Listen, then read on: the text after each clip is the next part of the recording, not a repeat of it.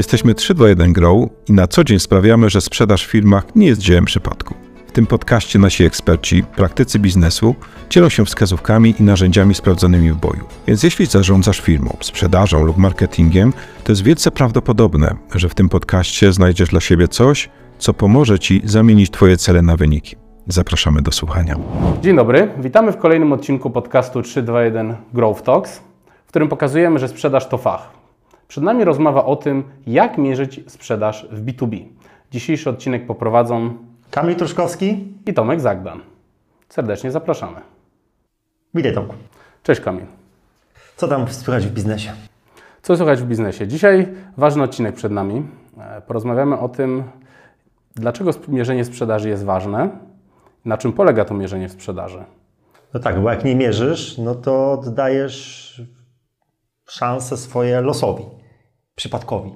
Tak, no ma, mi się kojarzy od razu taka anegdota, taka, taka sytuacja szefa sprzedaży, e, który ma do zrobienia większy wynik niż w zeszłym roku. Na przykład w tym roku zrobił 10 milionów złotych, W nagrodę. tak, w nagrodę w kolejnym musi zrobić 14, no i ma do, odpo- musi sobie odpowiedzieć na pytanie, jak ja zamierzam zrobić ten wzrost. Okej, czyli ma zrobić o 40% więcej. Tak, zdarzają się firmy, w których tak się dzieje, ale na, nawet jakby ten wzrost był o 30% większy, no to nadal musi sobie odpowiedzieć na pytanie, jak to zrobić. I w sytuacji, kiedy nie mierzymy sprzedaży, nie mamy sposobu na to, żeby ją mierzyć, to w zasadzie pozostaje nam do dyspozycji tylko szklana kula albo wróżenie z fusów. Wiesz co, mam kilku kolegów z korporacji, sprzedażowej korporacji, w branży finansowo-ubezpieczeniowej i zawsze jak z nimi rozmawiam tak pod koniec roku, czy na początku mm, nowego roku, jak już są plany sprzedażowe i tak dalej, mówię, jak tam? Wiesz, wiesz, nic nie mów, 25. Ale co? Do planu czy do wykonu? To zależy, co poszło lepiej. Tak. Jest, jest, jest cały czas więcej, więcej, więcej, więcej, więcej. No właśnie, tylko, tylko żeby sobie odpowiedzieć na to pytanie, jak, jak zrobić to więcej, no to e, musimy wiedzieć coś, musimy mieć jakieś liczby na poparcie tej, tej tezy, prawda? Dokładnie tak, wiesz co, ja, ja uwielbiam metaforę z samolotem. E, Wyobraź sobie, że wchodzimy do samolotu, jak lecimy na jakieś wakacje, no niedługo będę leciał do Hiszpanii. I w kokpicie pilota jest mnóstwo tych pokrętler, mnóstwo wskaźników. To można odnieść do e, całej naszej firmy na przykład. Jest firma i jest mnóstwo wskaźników. Jest budżet, jest cash flow i też jest dział sprzedaż. I w tym sprzedaży też jest mnóstwo różnych wskaźników. Tylko zawsze na sam koniec dnia pytanie, czy je mierzymy i które to są najważniejsze te wskaźniki. I czy w ogóle my wiemy, które to są najważniejsze te wskaźniki, czy też liczby. I czy mamy do nich do, dostęp. To jest takie ciekawe, że większość firm, jak Ty się spotkałeś na rynku, ale ja się spotkałem nie raz, nawet nie wiedzą, skąd wynika to, że wyszło. Te, co powiedziałeś, 10 milionów, tak? Oni nie wiedzą, po prostu jakoś tak pykło. Tak, ja, ja pamiętam nawet jeden, jeden przypadek e, y, dyrektora sprzedaży, który został w firmie zwolniony, dlatego że zmienił się, zmienili się właściciele i nowi właściciele zaczęli zadawać pytania, w jaki sposób on zamierza zrealizować budżet, który jest przed nim postawiony. I on na to pytanie nie umiał odpowiedzieć. Nie miał na to odpowiedzi, ponieważ nie miał danych, nie miał e, opisanych procesów sprzedaży, nie mierzył i nie umiał odpowiedzieć im na pytanie, w jaki sposób zamierza zrealizować budżet.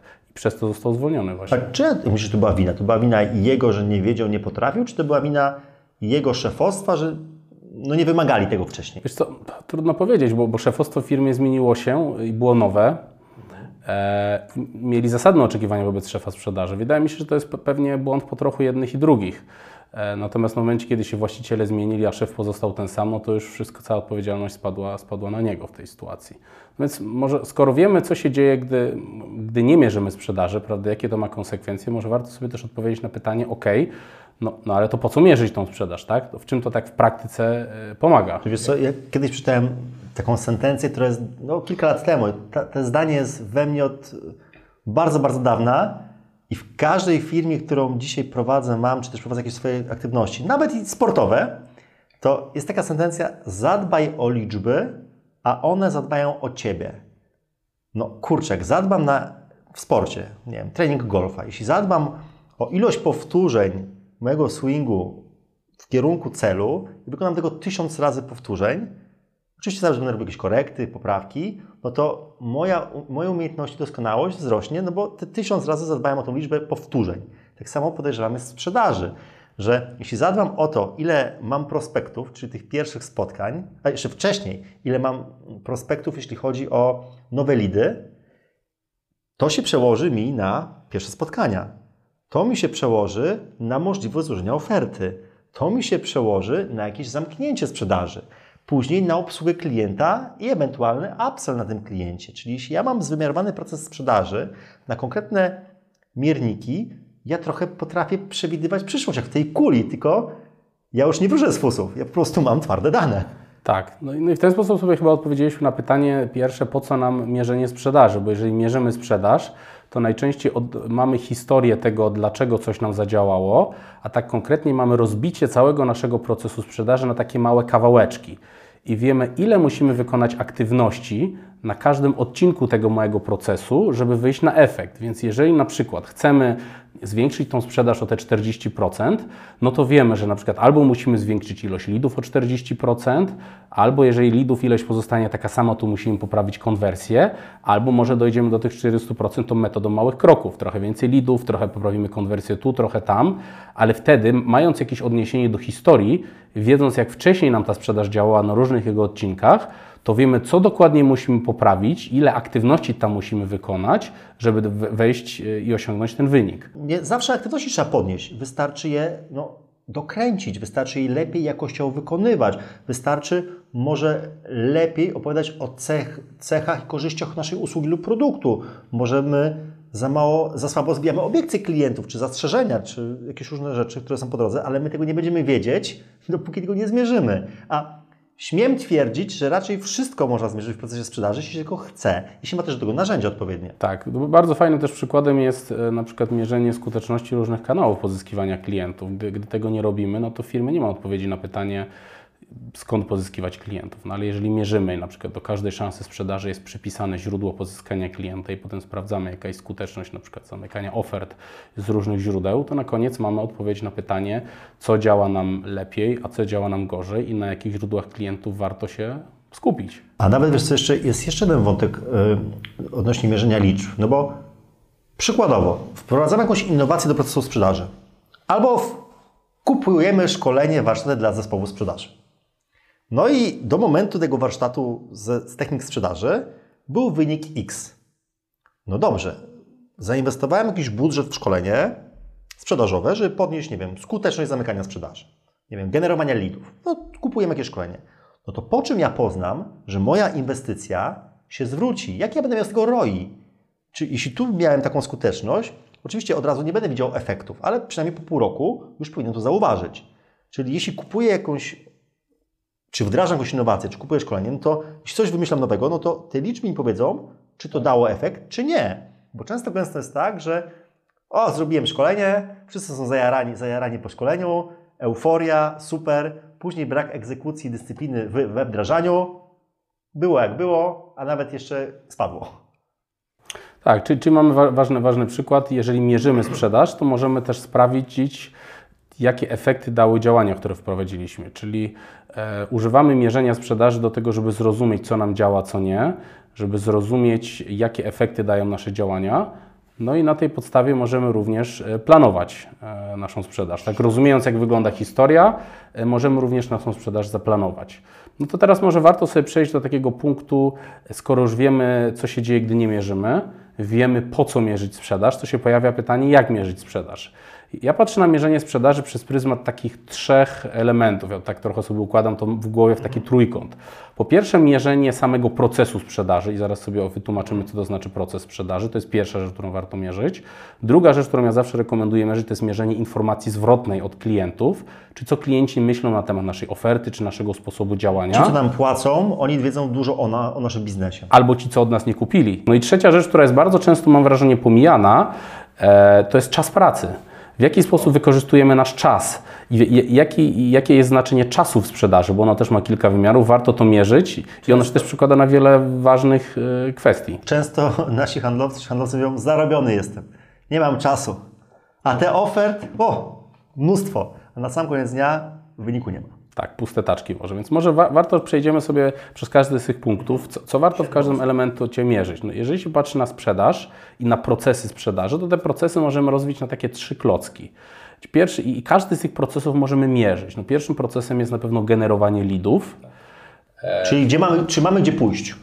Tak, skąd bierzemy lidy y, do, dla naszej sprzedaży, prawda? I w etapie generowania lidów y, możemy mierzyć zarówno mm, skuteczność y, sprzedaży z każdego źródła lidów, ale też dany kanał generowania lidów też możemy sobie oprocesować. Nie wiem, na przykład takie rzeczy jak prospecting, czyli aktywności polegające na zimnych telefonach, czy cold callach, cold mailach, czy działaniach na LinkedInie, to jest też coś, co można w bardzo prosty sposób opomiarować.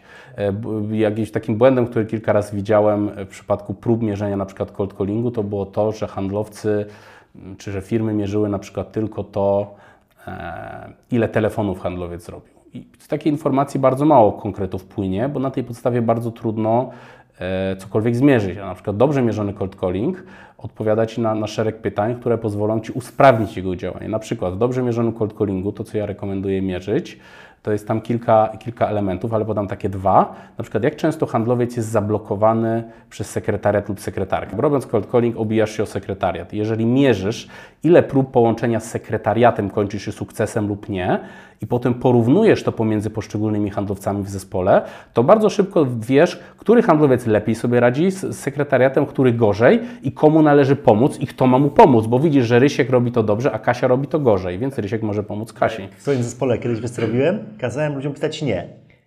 Przy cold callingu. Nie, nie, czyli każde nie było odmowa tego bramkarza. Nie, nie, nie, nie, tak. Nie, nie, nie, nie, tak. I później mówiłem, licz ile Ci brakuje nie do powiedzenia tak. I to też pokazuje pewną statystykę. Ktoś miał 3 nie, jeden tak, a ktoś miał 10 nie i jedno tak. I to też właśnie pokazuje, że ten Rysiek czy, czy Krzysiek no, mają lepszą skuteczność i coś robią inaczej, lepiej, a może są bardziej entuzjastycznie nastawieni do cold callingu. To różnie tak. bywa. Tak, no ale mierząc taki cold calling, robiąc to dobrze, e, jesteś w stanie porównać sobie na przykład skuteczność pomiędzy zespołem i stwierdzić, komu należy pomóc. No, drugi przykład, który warto mierzyć w cold callingu, to są takie dwa, dwie, dwa elementy w rozmowie z decydentem. E, pierwsza rzecz, na przykład skuteczność kontynuacji rozmów po pierwszych 10-20 sekundach rozmowy z potencjalnym decydentem. E, czy po, ten pierwszy wstęp naszej rozmowy spowodował, że ta osoba chce z nami rozmawiać dalej, czy odkłada słuchawkę i mówi, pan co, ja nie mam czasu. Bo jeżeli to, to mierzymy, to wiemy, czy nasze otwarcie rozmowy na przykład właściwie działa. I jeżeli działa niewłaściwie, to znowu wiemy, co zmienić. Więc wchodzimy na taki duży poziom konkretu, a wszystko się sprowadza do tego, że cały cold calling, cały proces cold callingu możemy też rozbić na malutkie kawałeczki i na tych malutkich kawałeczkach sobie mierzyć, co dokładnie należy robić, żeby odnieść sukces w cold. A później na tych elementach malutkich dokręcać delikatnie śrubki. Gdzieś odkręcimy, gdzieś dokręcimy, a na sam koniec dnia metoda prób i błędów spowoduje to, że takim samym nakładem sił, takimi samymi zasobami ludzkimi jesteśmy w stanie powiedzieć wynik o 0,5% procent większy, co później na cały proces sprzedaży przełoży się no, bardzo, bardzo, bardzo mocno. Tak, no i wyobraź sobie, że masz trzech czy cztery osoby, które w zespole robią cold calling, więc możesz porównywać efekty pomiędzy nimi i wiesz, które parametry musiałyby się zmienić, żeby zwiększyć ilość lidów wychodzących z tego. Czy oni muszą próbować się dodzwonić do większej ilości firm, czy może problemem jest to, że się odbijają na, na, na poziomie sekretariatu, czy może problemem jest to, że nie potrafią poprowadzić rozmowy z decydentem, a może problem jest bazy, jakość bazy na przykład, to znaczy, że bardzo duża część numerów, na które dzwonimy jest błędna i tam trzeba poprawić. Tracimy czas na tym, że musimy stop wygrzebywać w internecie numer telefonu. Tak. Miałem taki problem ostatnio w firmie. Musisz to mierzyć, żeby to wiedzieć, tak. nie? Dokładnie tak. I analogiczna sytuacja jest w przypadku mierzenia y, innych kanałów prospectingu typu cold mail czy LinkedIn, ale tak, tak samo leadów przychodzących z inbound. Zasada jest taka sama, czyli trzeba mierzyć, żeby mieć argumenty, wnioski, diagnozę problemów tak. i cały czas być pod grą i cały czas doskonalić. Taka gra bez tak. końca. To warto jeszcze chyba chwilkę popatrzeć na mierzenie samego procesu sprzedaży. Tutaj możemy mierzyć kilka rzeczy. Mi się wydaje, że taką najważniejszą rzeczą, z którą warto zostawić naszych słuchaczy jest to, żeby próbować mierzyć yy, z jednej strony skuteczność całego procesu sprzedaży, mierzonego takim pro, tak czymś, co się nazywa wskaźnik skuteczności sprzedaży po angielsku win rate, czyli jaka część naszych szans sprzedaży kończy się sukcesem. Wygraną. Tak, wygraną. E, I też mierzyć to na przykład w rozbiciu na różne źródła pozyskania klientów, osobno mierzyć to dla nowych i obecnych klientów, mierzyć to osobno dla różnych rodzajów ofert i handlowców, porównywać to między sobą i starać się sprawdzić, z czego to wynika. I teraz, żeby sobie odpowiedzieć na pytanie, z czego to wynika, wchodzimy zawsze o poziom głębiej, czyli staramy się mierzyć proces nie tylko na całości, ale na poszczególnych jego etapach. Czyli znowu patrzymy na konwersję pomiędzy odcinkami, patrzymy dlaczego na przykład lidy się konwertują na szansę sprzedaży. Bo jeżeli na przykład konwersja jest bardzo niska, no to może być efekt tego, że wiem, do, próbujemy docierać do niewłaściwych klientów. Patrzymy, dlaczego szans, nie wiem, ma, część y, demo na przykład się nie kończy sukcesem, prawda? Patrzymy, dlaczego oferty nie wchodzą. Jakby każdy z tych etapów w procesie możemy próbować analizować i spróbować sobie i szukać odpowiedzi na to, jak spróbować poprawić ten kawałek. Nie cały proces tak od razu, bo to będzie trudne, tylko sprawdzić sobie, jak możemy usprawnić coś w procesie na tym odcinku. Czyli szukamy wąskich gardeł w każdym, w każdym elemencie procesu. Tak. I to też jest łatwiejsze, bo gdy staramy się odpowiedzieć na pytanie, jak zwiększyć sprzedaż, no to tutaj może mieć 152 odpowiedzi i, i, i żadna może nie być prawidłowa. Natomiast jeżeli będziemy próbować w bardzo celowany sposób poprawić, e, odpowiedzieć na coś, na przykład na pytanie, jak poprawić skuteczność naszego procesu demo, bo na przykład sprzedajemy oprogramowanie, no to jest bardzo konkretne pytanie i na to konkretne pytanie mamy kilka bardzo precyzyjnych odpowiedzi no i stosunkowo łatwo możemy przetestować i sprawdzić, czy to działa, prawda? Więc to, to jest przykład, jeżeli mierzymy, jaką mamy skuteczność demo, ile, ile klientów odpada po tym demo, to, to już wiemy, gdzie szukać problemu, prawda?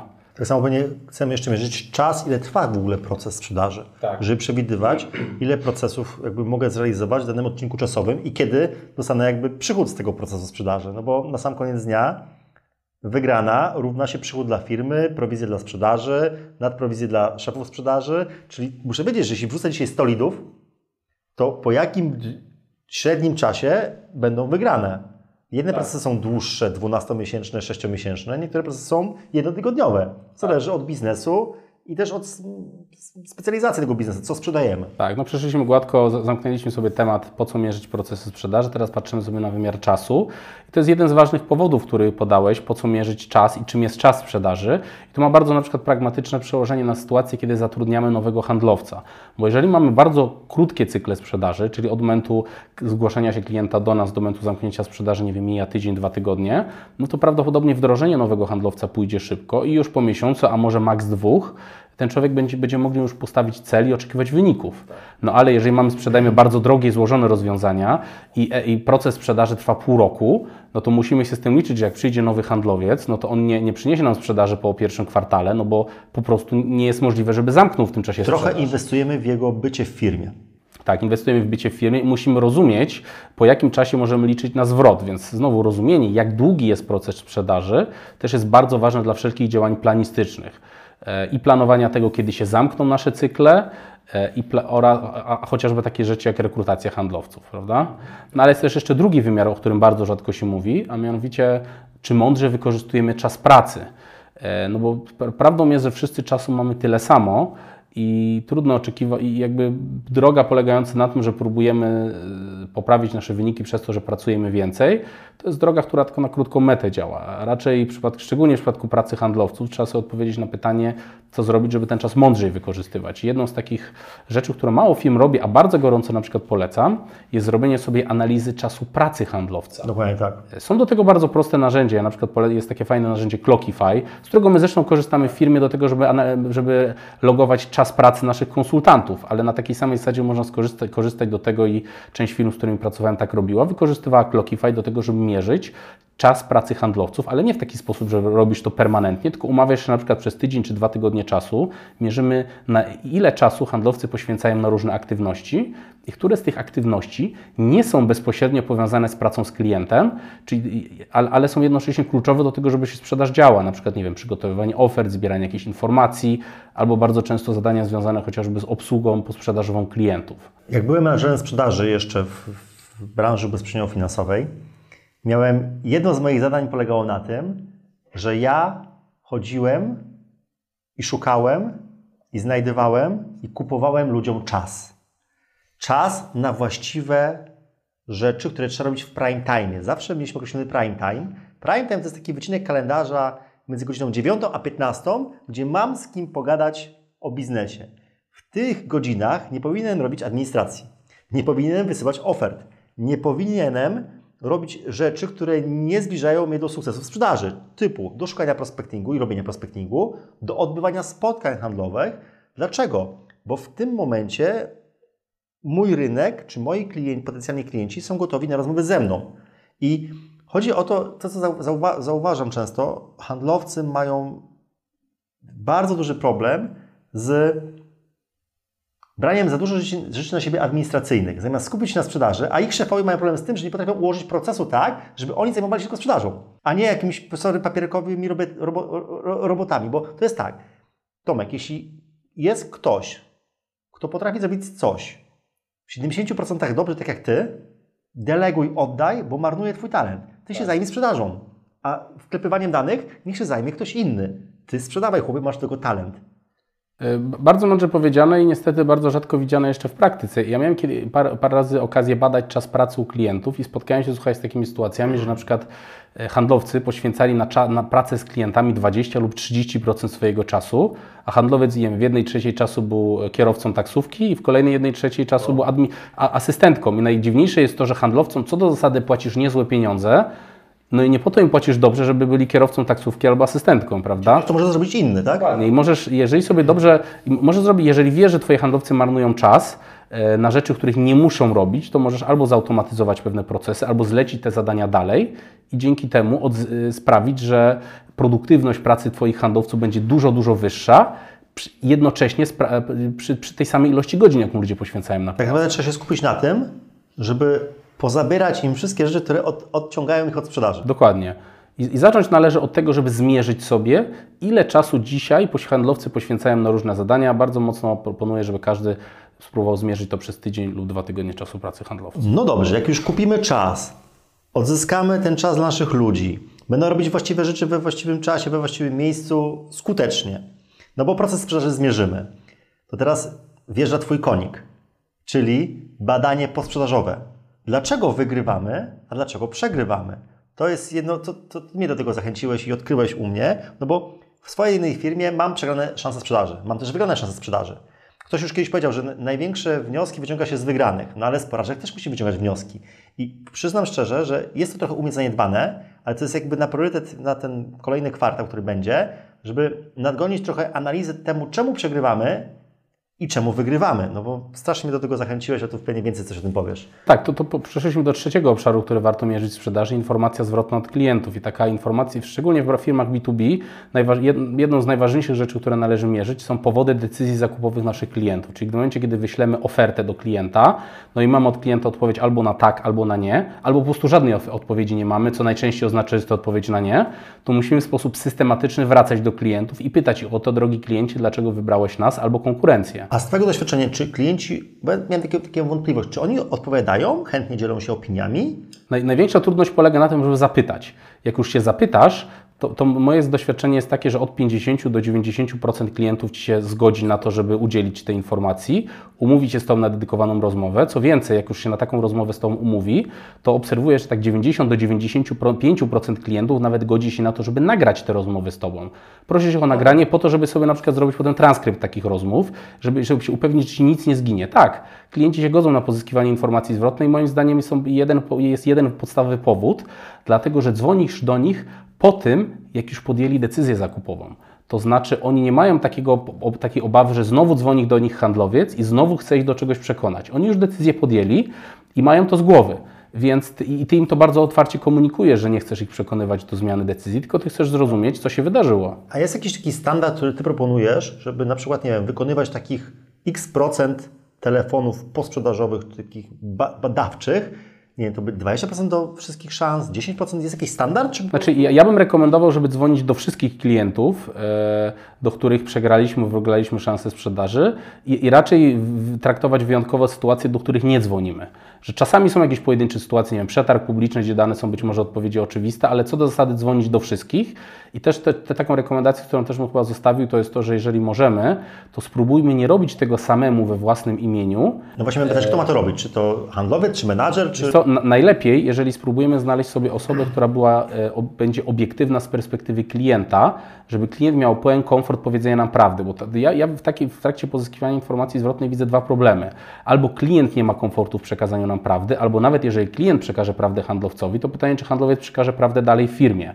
Więc najlepiej, żeby do klienta dzwoniła osoba, która nie sprzedawała, więc niech to będzie inny handlowiec, krzyżowo niech sobie to robią, albo znaleźć w firmie osobę na przykład z działu obsługi klienta, marketingu, która takie informacje zwrotne będzie pozyskiwała. I oczywiście są też firmy, które mogą taki proces na zlecenie zrobić, tak jak my to robimy i część firm się decyduje na coś takiego, więc możliwości jest kilka. Czyli mamy badania posprzedażowe wygranych, przegranych, no i mamy coś takiego jak jakość obsługi klienta, czyli którą Tak też jest. musimy mierzyć, no bo no, dzisiaj klient jest naszym, no, można powiedzieć, sponsorem całego naszego biznesu. Często mówię taką, taką rzecz, że po co pozyskujemy klientów? No po to, żeby byli fanami naszej firmy, bo jak klient jest fanem naszej firmy, no to opowie wszystkim naokoło, że jest dobrze i będzie darmowym personelem sprzedażowym firmy, to raz, a dwa, jeśli nie będzie czerna na naszych portfelu klientów, klientów to będziemy mogli rosnąć stale, tak? Czyli nasz portfel będzie rósł. Tak.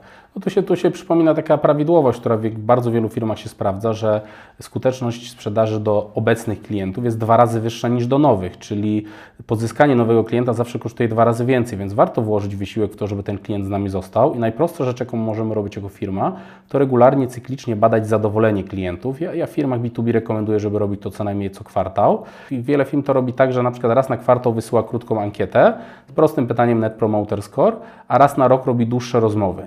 I takie badania zadowolenia klienta dają nam kilka korzyści, ale chyba taką najprostszą jest to, że to jest sygnał ostrzegawczy, który mówi nam o tym, że jakiś klient jest niezadowolony i jeśli szybko nie naprawimy sytuacji, to on może od nas odejść. E, Więc to jest taki sygnał ostrzegawczy, dzięki którym, który może sprawić, że klienci od nas, od nas nie odejdą. Więc to są takie dwa najważniejsze elementy, jeżeli chodzi o pozyskiwanie informacji zwrotnej od klientów. Czemu od nas kupili lub nie i jak już pracują z nami, to czy są zadowoleni. Czyli cały nasz trójkąt, czyli mierzymy procesy bardzo dokładnie, żeby wiedzieć, co z czego wynika. E, Mierzymy czas pracy naszych ludzi, ale też może na, nasz własny. My też popadamy w to, że no czasami w tej gonitwie obowiązków, rzeczy, zamiast wykorzystać nasz czas w sposób właściwy, robimy rzeczy niewłaściwe. No, zdarza się, nie jesteśmy cyborgami. No i na sam koniec dnia mierzenie, e, badanie tych szans wygranych, przegranych, ale też mierzenie zadowolenia klientów, powiedziałeś, tak zwany nasz NPS. Tak, to są takie trzy elementy, ja to nazywam takim trójkątem, jeżeli chodzi o analitykę sprzedaży i no, każda firma moim zdaniem powinna na te trzy obszary zwrócić uwagę. kupuję to, nawet już widzę jedną rzecz, którą już powiedziałem Ci, będę wdrażał u siebie, u siebie w dwóch firmach, e, to podsumujmy to. Podsumujmy sobie. Myślę, że naszych słuchaczy warto zostawić z dwoma, przynajmniej z taką jedną myślą, e, że po pierwsze warto analizować sprzedaż i warto mierzyć sprzedaż. Znaczy najpierw ją trzeba mierzyć po to, żeby można było analizować. I patrzmy, myślmy przez pryzmat mierzenia przez trzy wymiary. Mierzenie procesu sprzedaży, mierzenie informacji zwrotnej od klientów i mierzenie tego, czy wykorzystujemy mądrze czas. Każdą z tych rzeczy możemy spróbować zwymiarować i pomierzyć i są do tego narzędzia, są do tego procesy. Wystarczy chcieć. E, Wystarczy chcieć, tak. Tylko tyle i aż tyle. To jak zawsze się mówi, to wszystko wymaga żelaznej dyscypliny i konsekwencji w działaniu. Tak, to, to jest najtrudniejsze. Chyba najtrudniejsze w biznesie jest właśnie konsekwencja. Nie, nie jest trudne wiedzieć, co trzeba zrobić, tylko po prostu to zrobić. Tak.